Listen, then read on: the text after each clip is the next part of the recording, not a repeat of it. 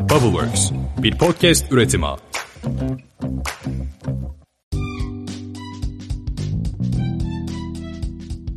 Merhabalar, Boşler'in 16. bölümüne hoş geldiniz. Ben Seha. Ben de Atakan. Arkadaşlar hepiniz hoş geldiniz. Bir yeni Boş İşler bölümüne daha. Geçen hafta ne yaptık Atakan? Güzel bir bölümden çıktık.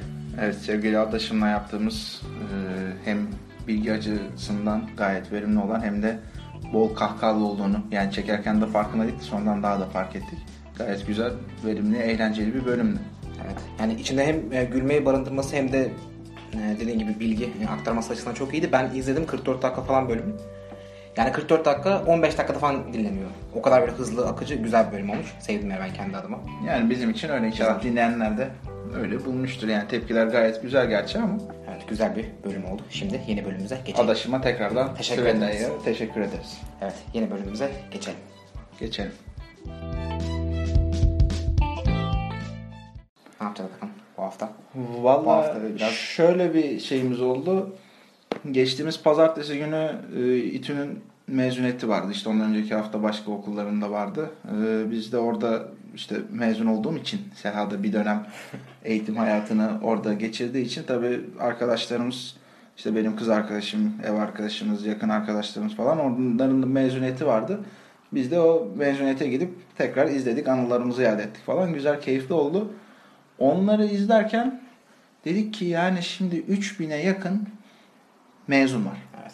İşte mühendisi, mimarı, işte peyzajcısı, moda tasarımcısı bir sürü alandan mezun olan kişi var. Bol istihdam dolu ülkemize yeni istihdam adayları. Burada çalışmaya başlayacak kişiler e, mezun oldular ve hayata atıldılar. Onlar üstüne bayağı düşündük, konuştuk, ettik falan derken dedik ki bu bölümde de birazcık onlara yer verelim Evet. gençlik, işte iş dünyası, iş bulma süreçleri, e, istihdam sıkıntıları nedir ne değildir bunlarla ilgili biraz dertleşme. E, Hani diyoruz ya hem biraz kendi sesimizi duyurmak istiyoruz hem de birilerinin sesi olmak istiyoruz diye. Bu misyonla bir bölüm çekme kararı aldık. mezuniyet töreni gerçekten büyüleyiciydi ya. Çok güzeldi. Ben daha önce hiç katılmamıştım bu arada İTÜ'nün mezuniyetine. Kendim zaten bireysel olarak katılamayacağım. E, Orada bulunamayacağım ama benle ilgili de böyle durmadan şey e, oldu işte Seha'da işte burada ama onun da inşallah mezuniyetini hangi okulda olursa olsun gideriz tarzında e, çevremizden tepkiler geldi. Şeyle ilgili orada o kadar kalabalığı görünce yani böyle yüzler gülüyor, her şey güzel ve umut oldu. Yani oradaki insanlara bu durumları güzel aktarırsak yapılabilecek olan, kendi şirketlerinde girecek olan, şimdi onlar iş arama sürecine girecek büyük ihtimalle. Büyük çoğunluğu aynen öyle. Orada işe girince ne yapabilirler? Yani e, ciddi bir istihdam sağlanacak. Bununla ilgili de umutlandım açıkçası biraz. Vallahi işte umutlandık mı, umutsuzlandık mı bilemeyeceğim. Yani şu sorunun cevabı önemli bir şey. Kaç kişinin acaba şu anda işi hazır? Evet. Yani benim herhalde bir 30 tane falan arkadaşım mezun olmuştur. İki tanesinin işi hazır. Şimdi bu oran böyleyse işimiz var yani. Benim umutlanma sebebim aslında farklı da.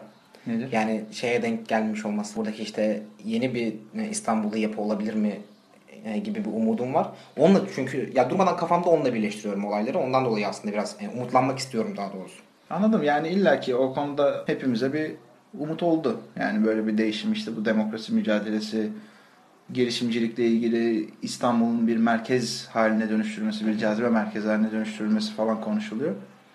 Umarım güzel olacak. Burada da her şey çok güzel olacak diyoruz. Çünkü buna ihtiyacımız var yani. Yani ben de hatta bugün bir uyandım çok böyle şeyim. Mutsuzum yani şu son birkaç günden beri de işte Clocker tarafında da işler bazı şekilde istediğimiz gibi gitmeyebiliyor. Çevremizde de bu tarz şeyler görüyoruz. O yüzden böyle biraz bir demoralize olma durumu vardı ama şey yapacağız diyelim. Toparlayacağız. Evet. E, girişimciliğin kurallarını biraz bildiğimiz için roller coaster diyorlar ya inişli ve çıkışlı bir süreç. O süreci yaşıyoruz. Aslında orada biraz e, geriye çekilip bütün resmi görmek gerekiyor ama bu tabii ki şey değil. Yani şu anda kötü e, durumları yaşıyoruz. O zaman bekleyelim değil. Hala saldırmaya mücadeleye devam etmek gerekiyor ama tabii şey oluyor yani. Burada e, moral bozucu çok fazla durum olabiliyor. Bunlardan çıkabilmek çok Mesela şöyle bir şey vardı. Orada benim dikkatimi çeken. Geçen sene biz mezun olurken o zaman da dikkatimi çekmişti. Programı işte İTÜ'nün değerli hocalarından bir tanesi sunuyor. Ve herkes işte çağırıyor diplomasını, temsili diplomasını vermek üzere. Sonra gönderirken de diyor ki yolunuz açık olsun arkadaşlar. Şimdi burada şöyle bir şey var. Bu bir temennidir. Yani güzel bir şeydir. Bunu şey yapacak halimiz yok. Tartışacak halimiz yok da o yol aslında o kadar da açık olmuyor. Yani kim olursanız olun. İster kendiniz bir şey kurmaya çalışıyor olun. İşte ister bir yerde işe girmeye çalışıyor olun. İster aileden kalmış çok büyük bir sermayeniz olsun. İster sıfırda olun. Babanızın şirketine geçin ya da hala hazırda işiniz hazır olsun direkt orada başlıyor olun. O yol tümseklerle, inişlerle, çıkışlarla, dikenlerle, karşınızda sizi direkt durdurmaya çalışan kişilerle vahşi bir yol yani. Amazon ormanları gibi bir şey belki çok daha e, ne bileyim zorlu bir yol yani. Mesele birazcık şey gibi. Bu yolu açmaya hazır olun arkadaşlar. Düştüğünüzde kalkmaya hazır olun. Kalktıktan sonra yeniden yürüyebilecek enerjiyi toplamaya hazır olun. Bunlar bence daha önemli ve hakikaten insanın psikolojik olarak kendisini hazırlaması gereken şeyler. Ben çoğu üniversite mezunun Türkiye'de böyle bir psikolojisi olduğunu sanmıyorum. Günümüzdeki teknolojilere ayak uydurduğunu, e, iş dünyasına girdiği zaman orada bir farklılık yaratma, tamam mı? Bir şeyleri daha ileriye, daha güzel taşıma hedefiyle gittiğini de düşünmüyorum. Yalnızca e, bir şekilde hayatımızı geçindirme derdiyle ilerliyoruz pek çoğumuz. Bunun sebebi de işte birazcık ülke şartları. Yani İstanbul'daki bu değişimin bir umut olmasının işte Twitter'da yazılımcılar haydi artık Türkiye'ye dönsün gibi paylaşımların yavaş yavaş başlıyor olmasının sebebi bu. Tabii ki bunlar için daha çok erken. Daha her şey çok güzel olmadı.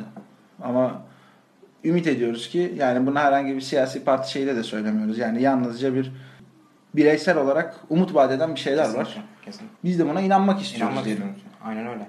Ya zaten bu e, seçimin sonucu herhangi bir siyasi olarak da değil, insanların söylem kazandı. Yani biz burada 15 tane bölüm yaptık. Yatırım eksik, işte girişimlere destek olunması lazım. Çok fazla serzenişimiz var ama bunların ana çatısı ülkede olan bazı eksiklikler. Yani e, güvensiz ortam, adaletle ilgili sıkıntı, hukukla ilgili sıkıntı, hakla ilgili sıkıntılar dışarıdaki yatırımcının da ülkeye bakışını değiştiriyor. Bizim tek derdimiz bu. Ondan dolayı e, bu konuda e, umutlu e, olmamız gerekiyor bu seçimden dolayı. Seçimde kazanan e, sevgi dili oldu ve onların dışında da bu dediğim kavramlar o kadar önemli ki yani dünyada çok önemli.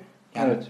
İnsanın özgür olması, farklı şeyler yapmasına izin verilmesi gerekiyor. İşte bu zaten girişimciliği doğuruyor. Girişimci biraz da böyle hani normal bir düzene karşı çok delice bir şey yapar ya. İşte e, taksiler var ben e, Uber diye bir şey yapacağım. Ona gülersin o adama. Ama o biraz muhalif düşünce, biraz böyle deli düşünce çok büyük işler yaptırabilir. Türkiye'de buna izin verilmesi gerekiyor. Buna izinlerde o bahsettiğim 3 tane çatı düşünceyle. Biraz şey gibi sanki. Sanatkarlık gibi. Hani sanatın da bir muhalif duruşu vardır ya kim olursa olsun yani işte sağ sol ayrımı olmaksızın bir yerde bir yanlış bir şey gördüğü zaman iktidar tarafında ya da başka bir tarafta ona karşı muhalif bir ses çıkartır ve sanatını bununla konuşturur. Aynen. Biraz şu devirde girişimci olmakta e, onunla bayağı bağdaştırıyorum. Ben geçenlerde çok komik bir şey yaşadım. Yani bana komik geldi daha doğrusu. Benim e, kuzenimin bir tane bir arkadaşı yeni şeye girdi. Üniversiteye girmiş işte. Geçtiğimiz yıl hazırlığı bitirmiş falan. Uzun yıllar sonra karşılaştık. İşte sordu Atakan abi ne yapıyorsun ne ediyorsun anlattık işte durumları böyle deli deli işlerle uğraşıyoruz falan diye. Ben dedim yani girip diye bir yerde direkt çalışmak istemiyorum en azından şu an için. Çünkü işte kendim bir şeyler yaratmak istiyorum. Şirketlerde bizim yaratıcılığımızı ortaya koymamıza izin vermiyorlar falan filan bir sürü şey anlattım. Tüm bu anlattıklarımdan sonra kız şey dedi yine. Yani niye tam çalışmak istediğini istemediğini anlamadım. Gibi bir şey söyledi. Şimdi bu eğitimimizin temelinde bulunan bir eğitimsizlik aslında. Tamam mı? Ezbercilik. Bir şeyler yaratmak üzere eğitilmiyoruz. Hala hazırda var olan şeyleri bir şekilde birilerinin işine gelecek şekilde yürütmek üzere eğitiliyoruz. İşte bunun temel sıkıntısı burada. O yüzden diyorum ya oradaki o mezun olan kalabalığa işte geçen sene ben de mezun olurken şöyle baktığım zaman bana birazcık şey geliyor. Çok fazla doldurulması gereken boşluklar var gibi geliyor. İşte hep konuşulan konular, geleceğin meslekleri falan diye yapılan geyikler var. Ki Erhan Hoca gibi, Erhan Erkut gibi işte sektörde doğayan diyebilecek olduğumuz, otorite diyebilecek olduğumuz kişilerin geleceğin mesleği diyenleri de işte dinlemeyin.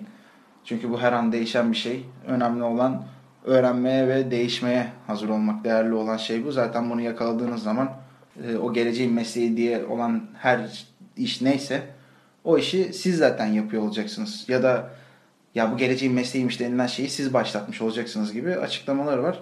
Bunlara hazır olmak lazım diyoruz. Yani bunu aslında biraz da tüm üniversiteden mezun olmuş olan arkadaşlarımıza yolumuz açık olsun. Temennimiz budur. Ama açık olmadığı noktada da kendimizi geliştirerek bir şekilde o yolu açmayı öğrenmemiz gerekiyor mesajını vermek için söylüyoruz. Bir diğer konu da işte şey yani istihdam problemi. Yani hangi bölümden mezun olmuş olursan ol şu anda iş bulmak çok ciddi bir sıkıntı. Bulsan da seni tatmin edecek özellikle büyük şehirlerde işte İstanbul başta olmak üzere kendi kendine ayakta kalmanı sağlayacak parayı kazanman çok zor. Bunun sebebi de birazcık şey yeteri kadar istihdam sağlayacak kuruluş yok. Mezun olan herkes bir şekilde gideyim bir yerde işte bir işe gireyim. Ağrısız, acısız, sancısız Atakan'ın dediği gibi kan, ter, gözyaşı olmadan e, olmasını planlıyor. Bu şekilde olmuyor. Yani bu istihdamı sağlayacak e, farklı atılımlar bugün olmasa bile yarın pek çok kişinin yapması gerekiyor ki e, yenilere güzel yerler açılsın. Kesinlikle doğru söylüyorsun. Yani hem e, istihdam tarafında bunun yapılması için artık birilerinin e, adım atması gerekiyor. Ve burada sadece mezun olanlar değil çünkü çok fazla mezun e, oluyor. Yani İTÜ'yü görüyoruz, Boğaziçi'ni görüyoruz, ODTÜ'yü görüyoruz, Sabancı'yı görüyoruz vesaire ama Türkiye'de çok fazla mezun var. Yani Hı hı. bu mezun işsizlik diye bir meslek olabilir bence. Yani işsizlik artık bir meslek haline geldi. Buradaki insanların nitelikli hale getirmek için de daha çok Erhan Hoca'nın da söylediği gibi e, girişimciliğe, e, teknolojiye yönlendirmemiz lazım. Biraz önce şeyden bahsettin ya, geleceğin mesleklerinden. Aslında e, geleceğin mesleklerini 10 yıl önce işte mobil uygulama yazılımcılığı diye bir şey yoktu. Ve onu e, 10 yıl önce vardı ya. 20 yıl önce yoktu. Yani Ve işte onu e, tahmin edemezsin zaten. Böyle bir şey olamaz. Ama bunu nasıl ilk senede girebilirsin? ilk adapte olma meselesi aslında. İlk adapte olmak için işte girişimci olman gerekiyor. Ya da e, teknolojiye e, ilgi duyman gerekiyor. Algıların açık olması gerekiyor. Dünyanın nereye gittiğini hissedebiliyor olman gerekiyor. Ve bu yani sadece şeyde geçen geçen haftaki bölümde de bahsettik bu konudan. Her gün teknoloji haberleri okuyayım, okuyayım, okuyayım değil. Biraz da teknoloji haberleri okurken aslında geçmişle birleştirerek ya şuraya doğru bir kayma var. Bunu bunu hissedebilme oluyor yani. Podcast'a başlama sebebimiz de bu aslında. Bir şeyleri okuyarak görme. İnsanların da yani istihdama geleceğim şimdi. Bu şekilde davranarak iş başvurusunda bile buna göre e, iş başvurusunda bulunması gerekiyor. Yani siz böyle bir şey açmışsınız ama işte şuraya gidecek e, sektör. Ben de bunları görüyorum. E, bundan dolayı başlayabilirim diyerek işe girmeleri gerekiyor. Ve girdikten sonra da e, bu sektörde e, dediklerini gerçekten yapması lazım. Çünkü şundan aslında biraz korkum var. E, kurum içi girişimci, e, kurum içi girişimcilikten bahsediyoruz ya. İçeri girdiği zaman aylık maaşını alıyor, şeyler oluyor ve unutuyor kurum içi girişimciliği. Orada insanları tetikleyici, istihdamı e, kaliteli hale getirecek bir şeyler yapmamız gerekiyor. Yavuz abiler bunu gerçi çok güzel yapıyor da bir şekilde e, içeriye giren e, girişimci ruhlu çalışan beyaz yakalı arkadaşımızın o e, hayalleri unutmaması gerekiyor. Zaten sıkıntı da orada. Hayali var mı acaba? Hı, evet. En temel problem orada. Yani bizim eğitim sistemimizin içerisinde işte yer alan e, en büyük problemlerden bir tanesi de gereksiz bir rekabet durumu. Ya da gereksiz rekabet demeyeyim belki yanlış oluyor da yanlış noktada yaptırılan rekabet. Yani daha çok test çözme rekabeti. Ne bileyim ben daha yüksek not alma rekabeti. İşte derece yapma rekabeti. Hep konu belli. Derslerle ilgili başarılı olma. İşin özünde bu var.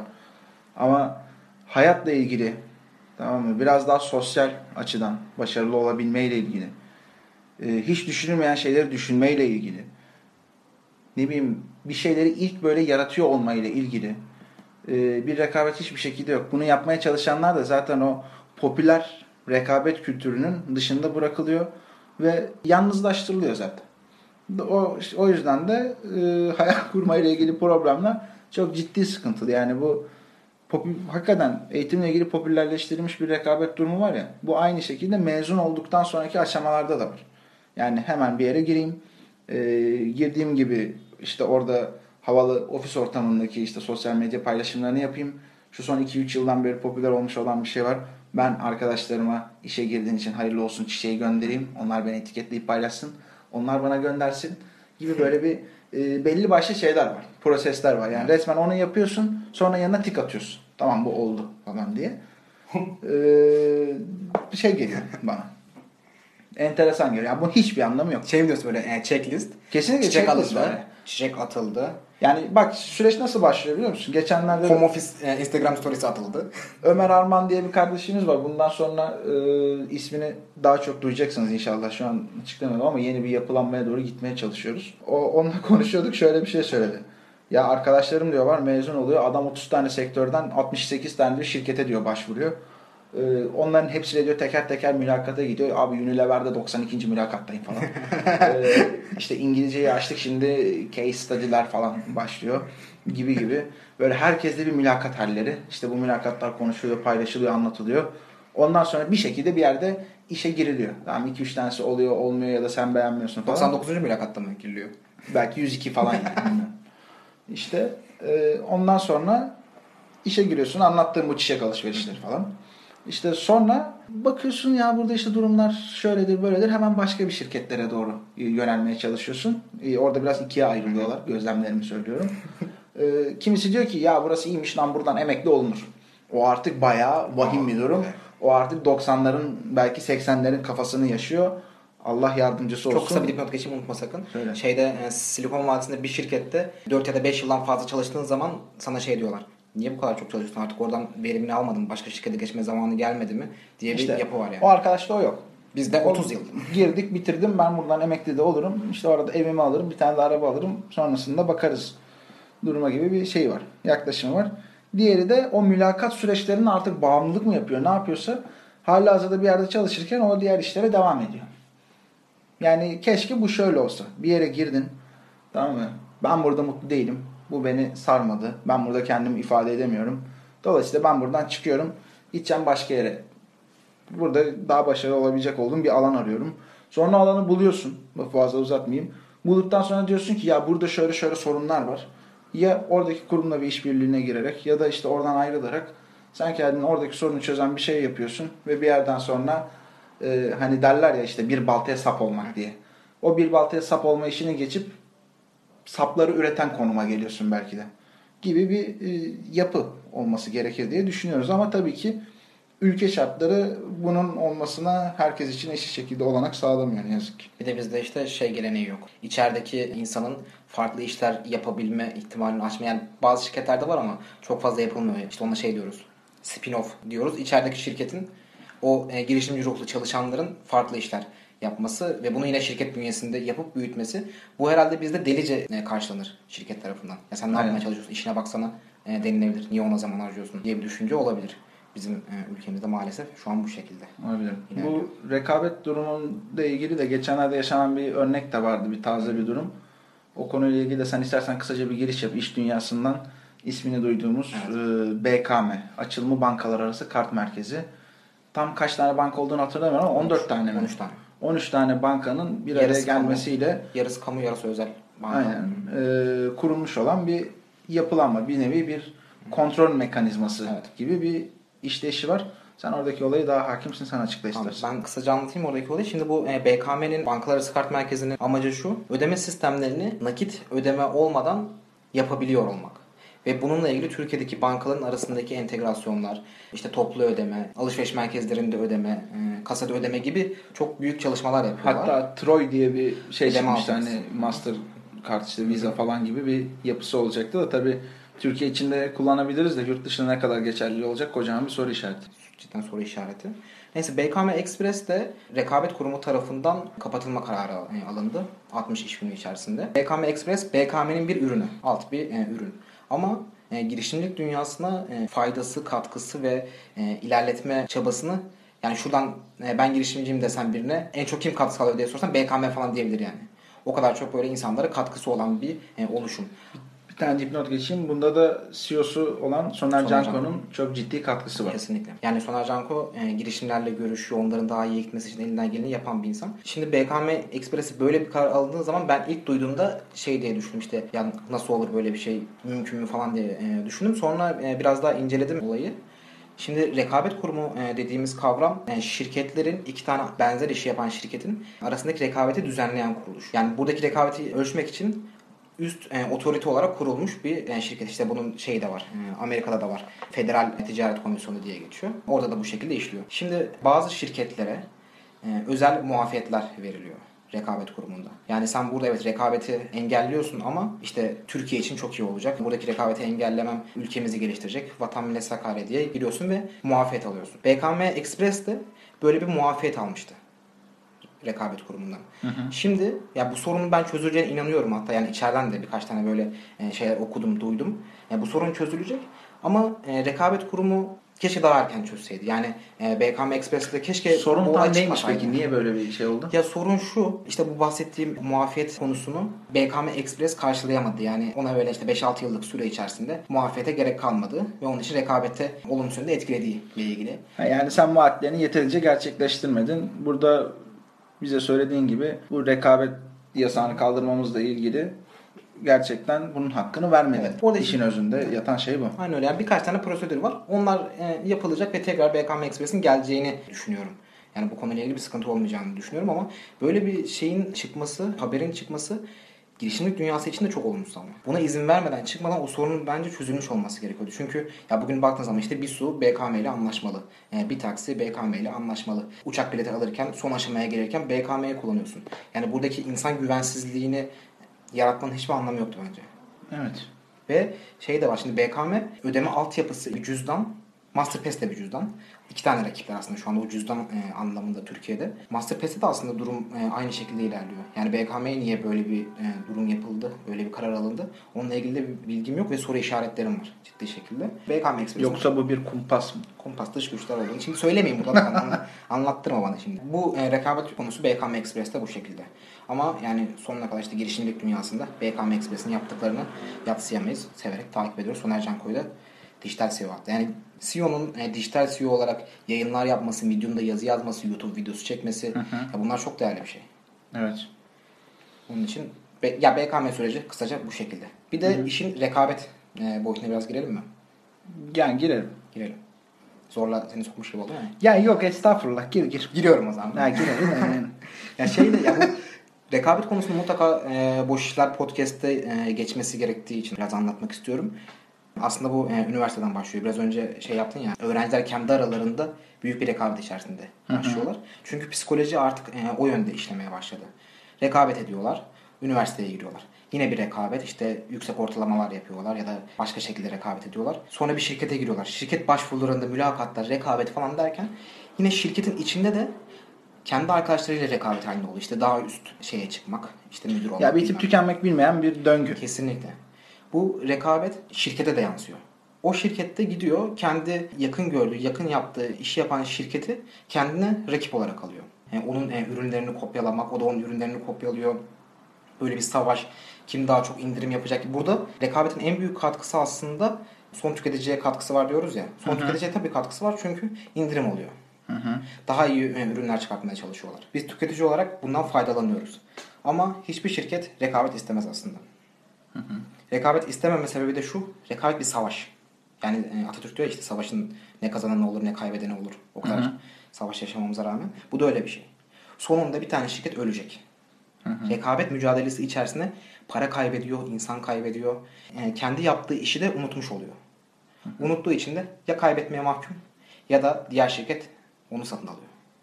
Exit'lerin aslında biraz da e, olma sebebi rekabet etmeme durumu. Burada şeyin e, önemini inşallah güzel anlatabilmişimdir. Rekabet etmek hiçbir şirket istemez.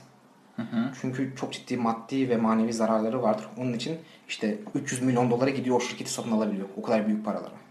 Rekabet bundan dolayı kötüdür şirketler açısından. Bu tabii biraz e, acımasız bir şey ama çünkü ben işte bir kitap okumuştum. Yeni daha okuyorum rekabetle ilgili. Ya kafam çok karıştı. Yani rekabetin güzel bir şey olduğunu anlatırken e, insanlara bir anda rekabetin aslında şirketler için kötü bir şey olduğunu gördük. Çünkü bir şirket şunu istiyor. Ben tekel olayım. Hiçbir rakibim olmasın. Küçük küçük rakiplerimi satın alayım. Onlarla birlikte büyüyeyim.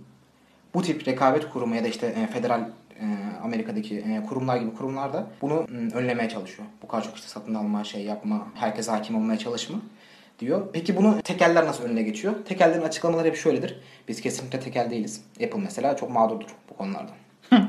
yani büyük sıkıntılar yaşar. İşte şu ülkeye girişte zorlanıyoruz, şuraya mal satamıyoruz bilmem diye hep e, bahane anlatırlar ve tekel gibi göstermezler kendilerini. Evet. Of başka söyleyeceğim bir şey kaldı mı? Ne çok Bitti mi? ya. Tekerleğe ilgili rahatladın mı? Dur bakayım. Ya bana bir haftadır anlatıyor ya.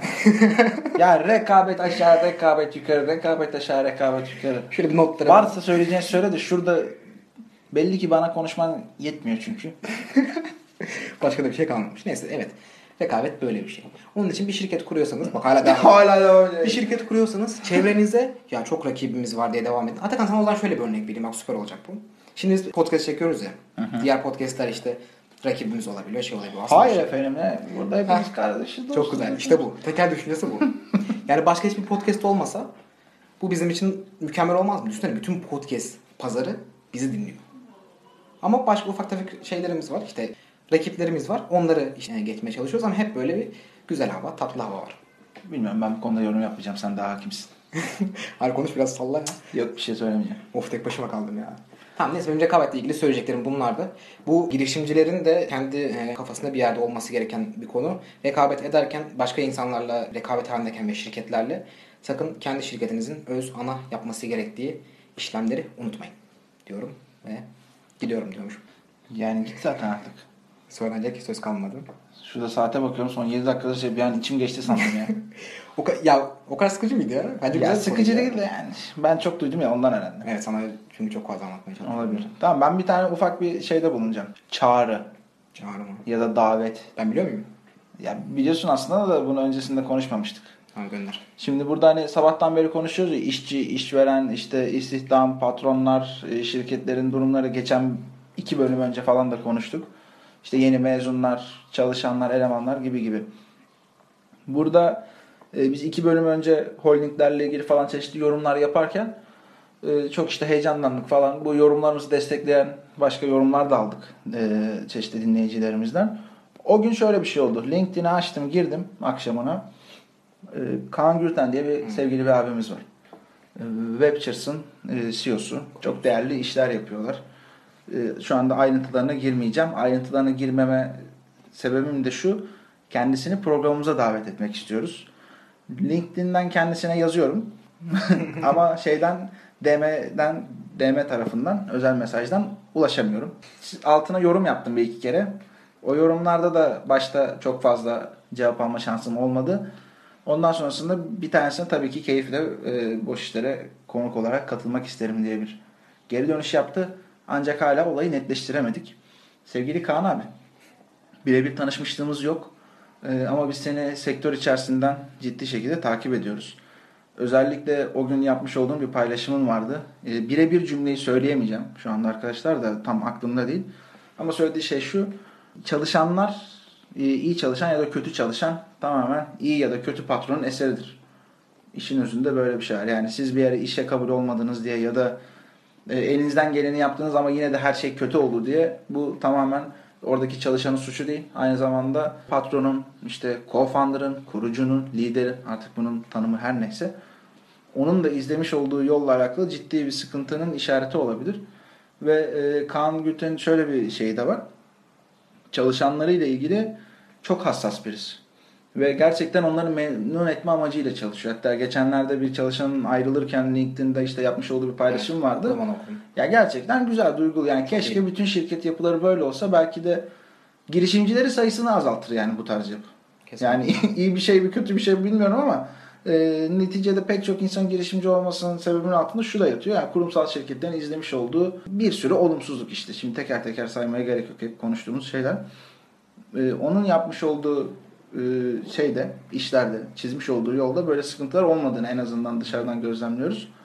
Dolayısıyla bu konular üstüne konuşmak üzere kendisini programımıza davet ediyoruz. Buradan etiketleyeceğiz. Ee, sizden de bir destek rica ediyoruz. Emin olun sizin için de çok e, güzel bir katkı sağlayacak bu. Bizim bu paylaşımımızı siz de onu etiketleyerek paylaşabilirseniz çok güzel olur. Hatta şöyle bir şey de yapalım e, bence. O programı İTÜ Çekirdek'te yaparız. Ya da Kaan abinin ofisinde yaparız eğer kabul ederse. Hı hı. Bizi burada etiketleyip hem de Kaan abiyi de abi seni dinlemeyi bekliyoruz boş işlerde diye paylaşan arkadaşları da alalım orada seyirci olarak gelsinler. Süper. bizim programı dinlesinler. Soruları varsa sorsunlar. Dahil edelim. interaktif bir program yapmış olalım. Harika olur. Cidden şu an e, heyecanlandım bile. Sana helal olsun ya. Şu an mı? Sen böyle rekabet mekabet konuşurken seni dinlemiyordum. Böyle bir şey Vay geldi aklıma. ya. Resmen ben burada kendi başıma. helal olsun ya. Güzelmiş cidden ya. Tamam arkadaşlar desteğinizi Bekliyoruz bekliyoruz. Tamam yani 3 kişi 5 kişi bile emin olun etkili olacaktır. Hem de güzel bir şey olur. İyi bir networking çalışması da yaparız. Çıkışında işte çay kahve bira bir şeyler de içeriz yani. Kesinlikle. Süper olur. Harika olur. Evet. Evet. Bitirelim artık? Bitirelim artık. Başka konumuz söylemek istediğimiz bir şey kalmadı. Tamamdır. Bitirelim. Ama girişimcilik sözümüzü de Evet. gönderelim ben. Şimdi şöyle bir şey seçtik e, girişimcilik sözü için. Dayandığı temel şu. Öncelikle kendimizden yola çıktık. Hakikaten moral motivasyon olarak birazcık çöküktük. Ee, benim babam da esnaftır. Seyhan'ın babası da eski esnaftır. Şöyle bir şey duyarım babamdan. Bazen insan küllenir. Ve bu küllenme dönemlerinde de böyle devam edersen işin sonu güzel olmaz. Dolayısıyla küllerinden yeniden doğmayı bilmen gerekir. Bunu bilenler işte hem geleneksel ticarette hem şu anki işte teknoloji tarafında, internet boyutundaki yapılan her türlü çalışmada, girişimcilikte ya da iş hayatında ne bileyim kız erkek ilişkisinde aklınıza ne geliyorsa çöktüğünüz ya ben küllendim dediğiniz hangi an varsa bu anlardan kurtulmanın tek yolu küllerinden yeniden doğmaktır. O yüzden biz de diyoruz ki girişimcilik küllerinden doğmaktır. Ee, çok tekrar ettim ama gerçekten şey bir şey. Bende en azından güzel bir motivasyon yaratıyor. Kendime birkaç kere söylediğim zaman e, bir şekilde içerisine girmiş olduğum sıkıntıların içerisinden er ya da geç bir şekilde çıkıyorum. Önemli bir şey olduğunu düşünüyorum. Hazır bu kadar da mezunun olduğu haftalarda diyeyim herhalde şu iki hafta içerisinde bir 100 bin civarında mezun vardır Türkiye'de. Önemli bir şey. Kesinlikle. Yani küllerinden doğmak hem bir şirketin hem bir insanın her zaman e, düştüğü bir durumdur. Kesinlikle. Doğmak için de mücadele etmesi gerekiyor. Bitirelim. Evet. Boş İşler'in 16. bölümünü dinlediniz. Bizi dinlediğiniz için çok teşekkür ederiz. Haftaya görüşmek üzere. Görüşmek üzere arkadaşlar. Kaan Gülten'le ilgili paylaşım yapmayı unutmayın lütfen. Kendinize iyi bakın. Görüşürüz.